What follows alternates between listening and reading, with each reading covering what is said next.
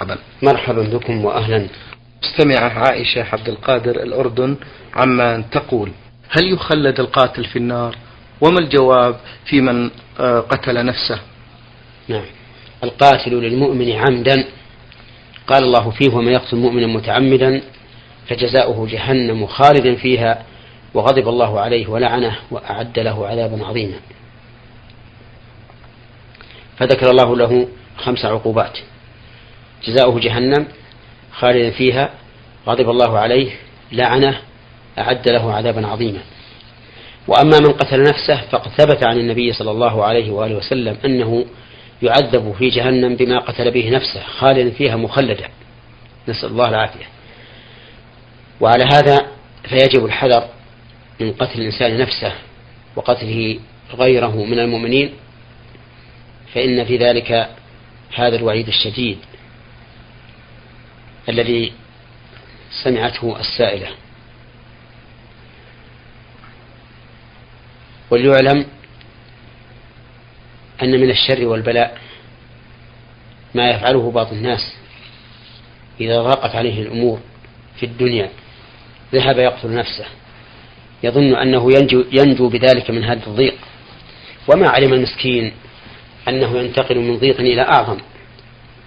فيكون كالمستجير من الرمضاء بالنار.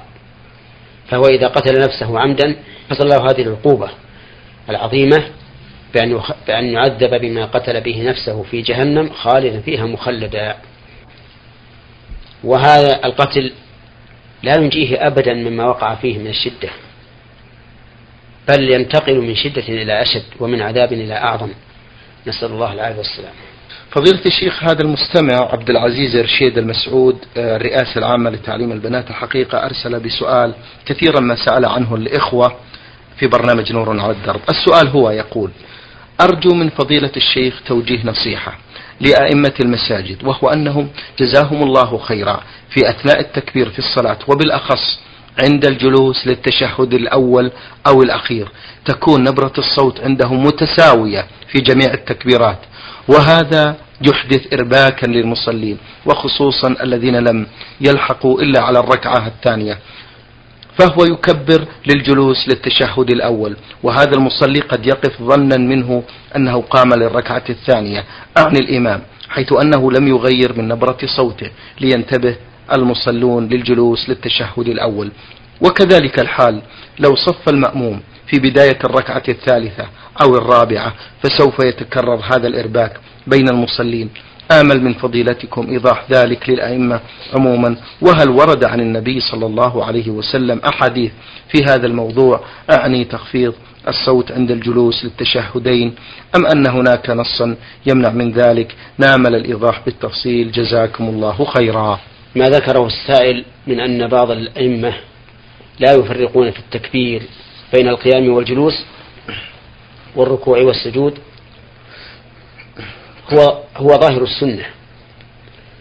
فإنني لا أعلم إلى ساعة هذه أن النبي صلى الله عليه وآله وسلم كان يفرق بين التكبيرات.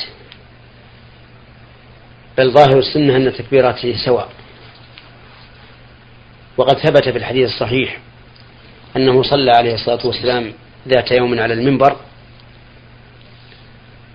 والمنبر كما هو معروف درج.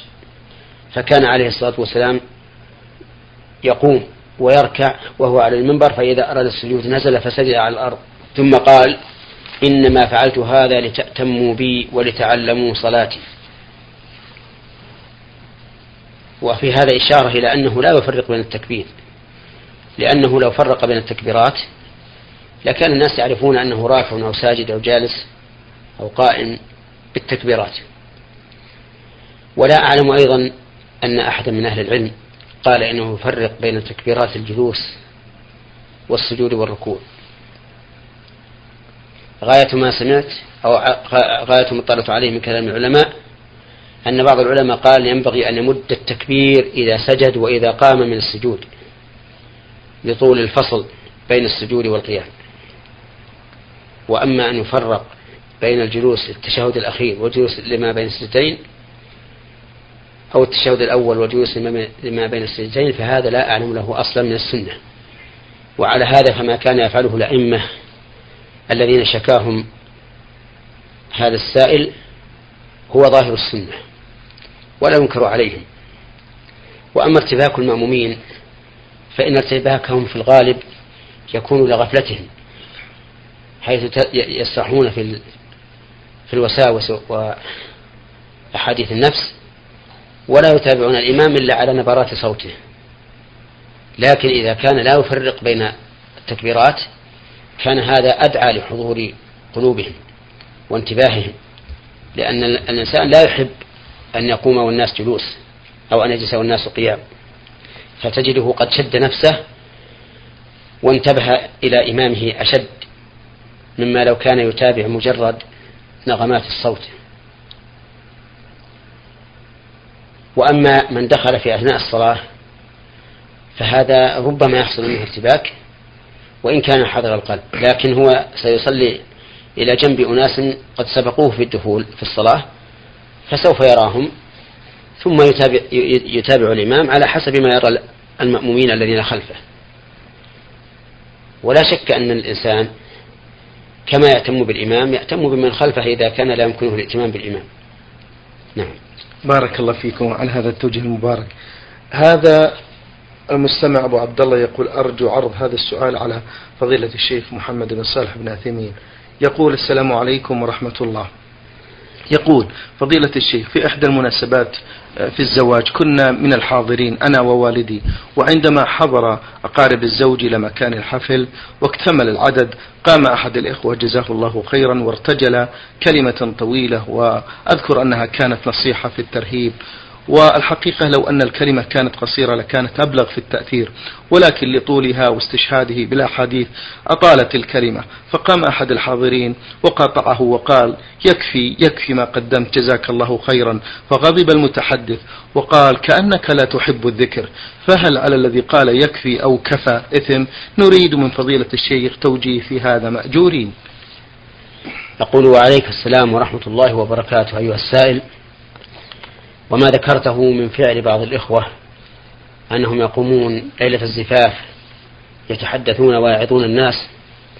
فلا ريب أن الذين فعلوا هذا إنما قصدوا الخير وتذكير الناس وموعظتهم ولكن ينبغي للإنسان الواعظ للناس أن يكون حكيما في موعظته فيتخير الوقت المناسب والمكان المناسب والحالة المناسبة بل والأشخاص.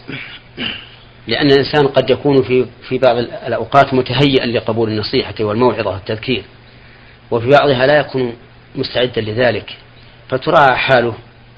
كذلك أيضا قد يكون في بعض الأماكن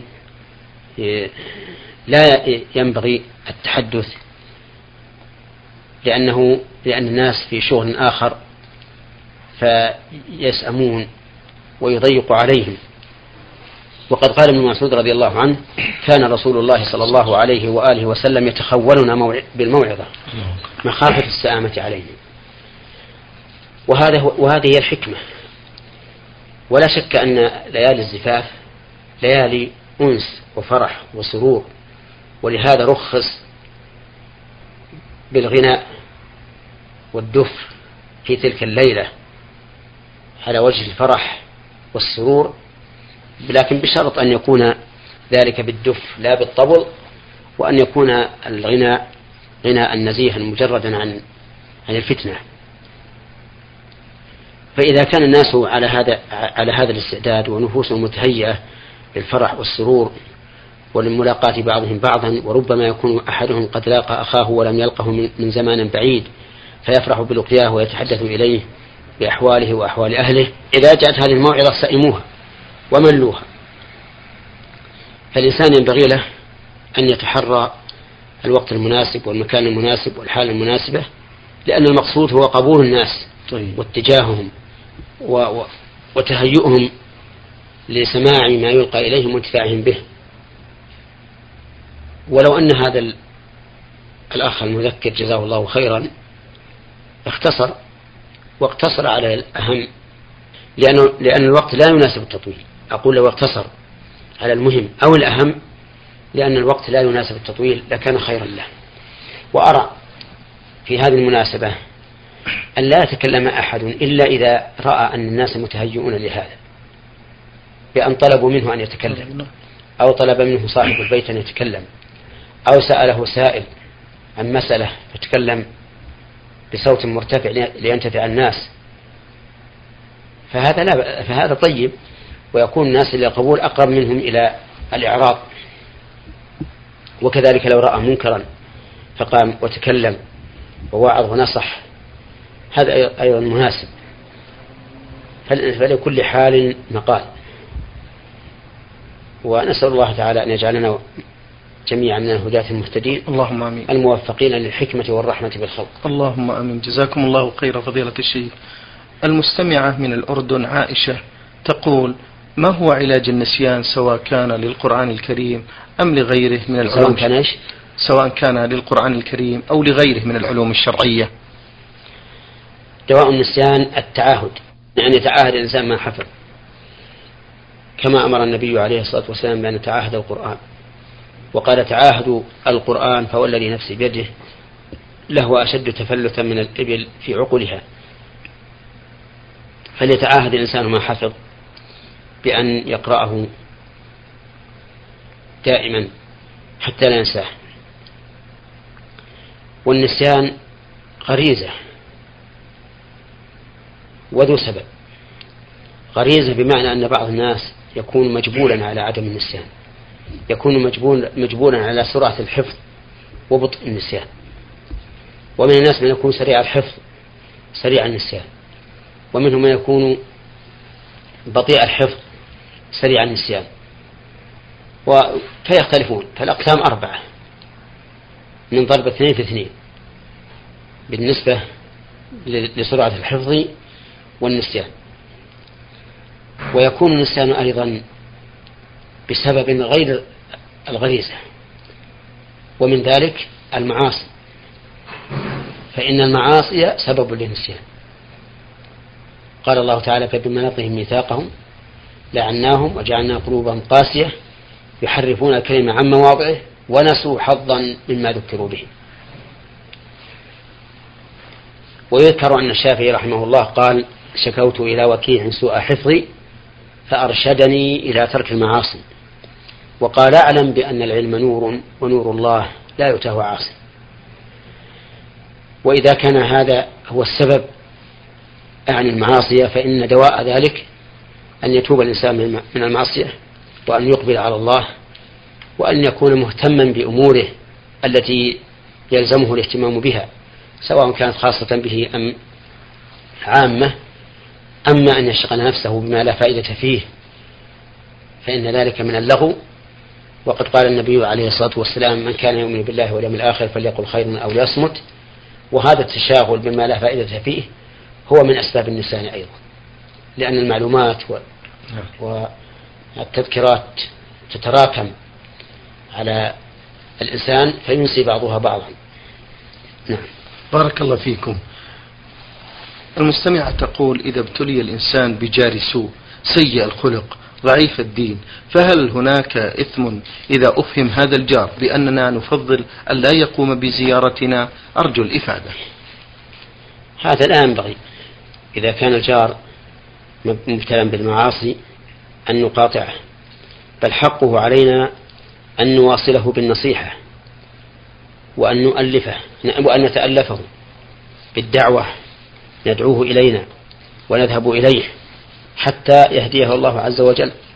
وقد قال النبي عليه الصلاة والسلام لأن يهدي الله بك رجلا واحدا خير لك من حمر النعم.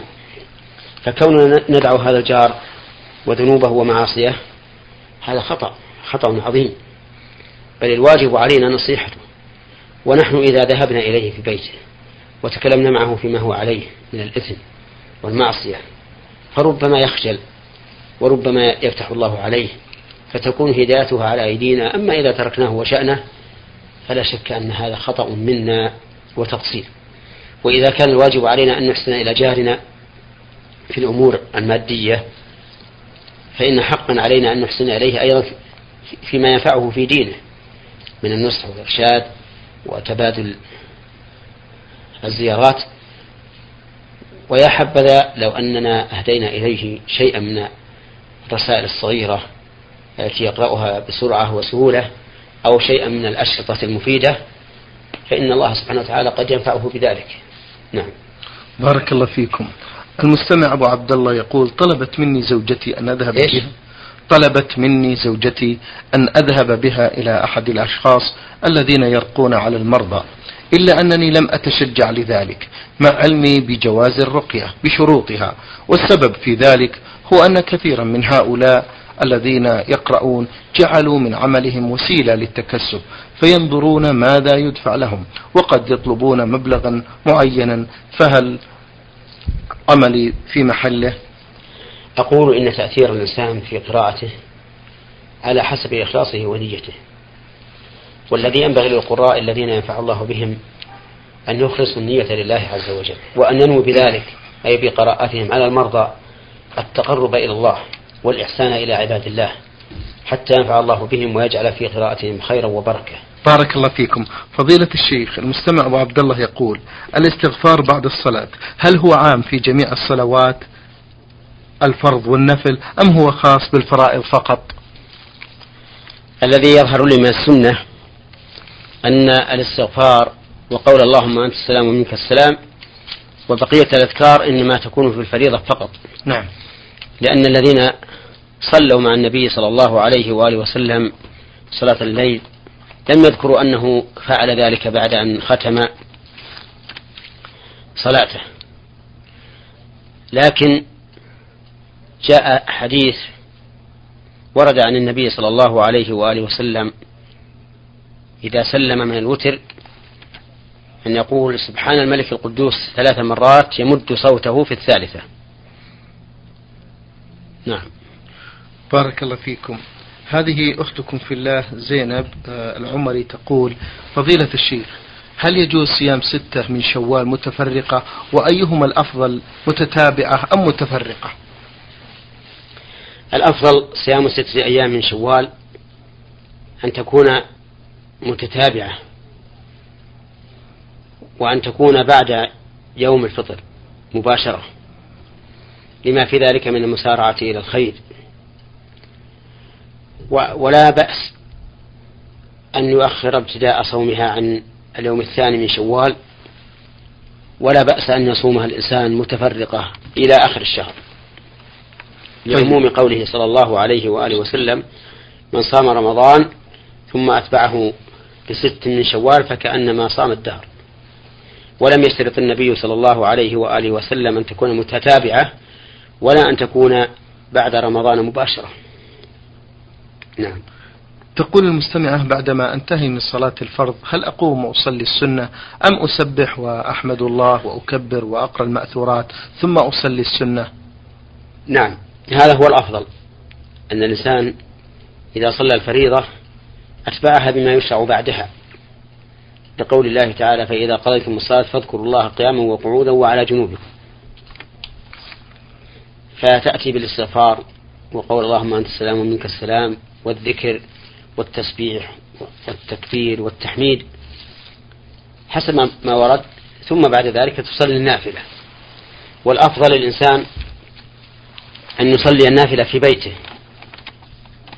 الراتبة وغير الراتبة. إلا ما شرع في المسجد كقيام رمضان وكصلاة الكسوف عند عند القائلين بأنها سنة وليست بواجبة. وعلى هذا فالأفضل للرجل أن يصلي الراتبة في بيته لا التي قبل الصلاة ولا ولا التي بعد الصلاة. إلا أن يخاف أن تقام الصلاة. إذا صلى في بيته فحينئذ يؤخر الصلاة حتى يصل إلى المسجد فيصلي راتبة. نعم. طيب. تقول المستمعة هل يجوز لي لبس النقاب وأنا في حج أو عمرة؟ لكن يكون على العينين غطاء خفيف. المحرمة لا يجوز لها أن تنتقد لأن النبي صلى الله عليه وآله وسلم قال لا تنتقب المرأة. وأما تغطية وجهها بغير النقاب فلا بأس به إذا مر الرجال عنها إذا مر الرجال الأجانب عنها قريبا.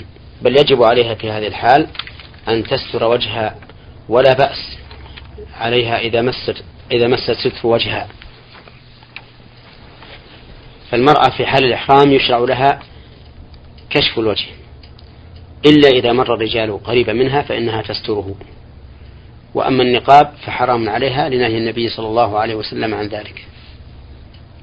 نعم.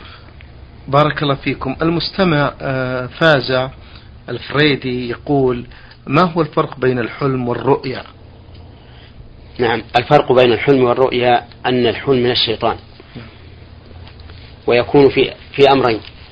الأمر الأول فيما يكره الإنسان. فإن الشيطان يمثل للنائم ما يكره من أجل أن يحزنه ويغمه. والأمر الثاني في أمر لا لا يكون له أساس ولا أصل بل هو له ولا وجه له. ومن ذلك أن رجلا حدث النبي صلى الله عليه وسلم بأنه رأى في المنام أن رأسه قد قطع وهرب أي الرأس. وذهب الرجل يشتد وراء رأسه سعيا. فقال النبي صلى الله عليه وآله وسلم لا تحدث الناس بتلاعب الشيطان بك في منامك. هذا الحلم. الحلم من الشيطان ويدور على أمرين. إما إما مكروه للإنسان وإما شيء لا لا أصل له ولا أساس ولا ولا وليس معقولا. أما الرؤيا فإنها من الله عز وجل. وتكون الرؤيا مركزة مستقيمة ليست مثل أضغاث الأحلام. نعم. بارك الله فيكم. هذا المستمع محمد ألف ألف يقول ما حكم الشرع في نظركم فضيلة الشيخ في هذه العبارات؟ من حسن الطالع أن يحصل كذا وكذا. ثانيا رب صدفة خير من ميعاد. وثالثا هذا اليوم نحس نرجو بهذا إفادة مأجورين. أما العبارة الأولى وهي قول قائل من حسن الطالع كذا وكذا. فإن هذا يعبر به أصحاب النجوم الذين يعتمدون في تقدير النحس والخير للمرء بطوالع النجوم. وهي عبارة لا ينبغي للإنسان أن يقولها بل هي إلى التحريم أقرب منها إلى الكراهة. وأما قول القائل رب صدفة خير من ميعاد فلا بأس بها لأن وصف الشيء بالصدفة إذا كان من فعل الإنسان لا بأس به فإن الإنسان تأتيه الأمور مصادفة لا يقدر لها تقديرا ولا يحسب لها حسبانا. وأما بالنسبة لفعل الله فإنه لا يجوز إضافة الصدفة إلى فعل الله لأن الله تعالى يعلم ما يفعله جل وعلا من قبل أن يفعله وهو على صراط مستقيم في كل ما يفعله سبحانه وتعالى. فصارت الصدفة إن أضيفت إلى فعل العبد وحال العبد فلا بأس بها وإن أضيفت إلى الله عز وجل فإنها لا تجوز. وأما العبارة الثالثة وهي هذا يوم النحس فلا بأس به إذا لم يقصد السب والعيب وإنما قصد الإخبار. كقول لوط عليه الصلاة والسلام لما جاءت الملائكة هذا يوم عصيب. فوصف الأيام بما تستحقه من وصف إذا لم يكن على سبيل الذم والتقبيح لا بأس به لأن هذا خبر والخبر عن الواقع حق. نعم. بارك الله فيكم. هذا المستمع آه، أبو عبد الله يقول في هذه آه، في هذا السؤال مرض أحد أقربائي طلبت مني والدتي أن أحضر لها عزايم من أحد الناس الذين يقرؤون على الناس. فطلب مني ذلك الرجل مبلغ ألف ريال مقابل هذه العزائم التي توضع عند رأس المريض. فما حكم هذه العزائم؟ وما حكم أخذ هذا أخذ من هذا الرجل لهذا المبلغ الباهظ؟ أرجو الإفادة. أما بالنسبة لهذه العزائم فإنه لا يجوز للإنسان أن يستعمل عزائم لا يدري ما هي حتى يعرف أنها من القرآن أو من السنة الصحيحة أو من الأدعية المباحة. فأما أن يأتي إلى أي شخص يجده يقرأ الناس أو يكتب لهم العزائم فيطلب منه ذلك فإن هذا لا يجوز.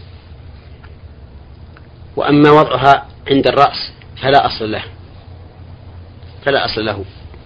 ولا ولم يفعله أحد من السلف. لكن رخص بعض السلف في العزائم إذا كانت من القرآن أن يتقلدها الإنسان أو أن يضعها في ماء ويشرب أثر المداد الذي يتحلل في هذا الماء. وأما وضعها عند الرأس أو وضعها تحت الوسادة فلا أصل له. وأما أخذ الأجرة والعوض على هذه العزائم فالذي ينبغي الإنسان أن لا يفعل وإن فعل فلا حرج لأن النبي صلى الله عليه وآله وسلم أجاز أخذ الأجرة على الرقية في قصة الصحابة الذين بعثهم النبي صلى الله عليه وآله وسلم فاستضافوا, قو... فاستضافوا قوما فلم يضيفوهم فسلط الله على سيدهم فلدغ ثم جاءوا إلى الصحابة يطلبون منهم قارئا فقالوا لا نقرأ عليكم إلا بكذا وكذا من الغنم. فأعطوه من الغنم وبلغ ذلك النبي صلى الله عليه وآله وسلم فأقره. وأما كون القارئ يأخذ أجرا كثيرا على عمل يسير فإني أنصحه أن يتقي الله عز وجل في إخوانه وأن لا يستغل ضرورتهم في استبزاز أموالهم بل يأخذ ما يرى أنه حق له وأما ما زاد فيتورع عنه. نعم. شكر الله لكم فضيلة الشيخ وبارك الله فيكم وفي علمكم.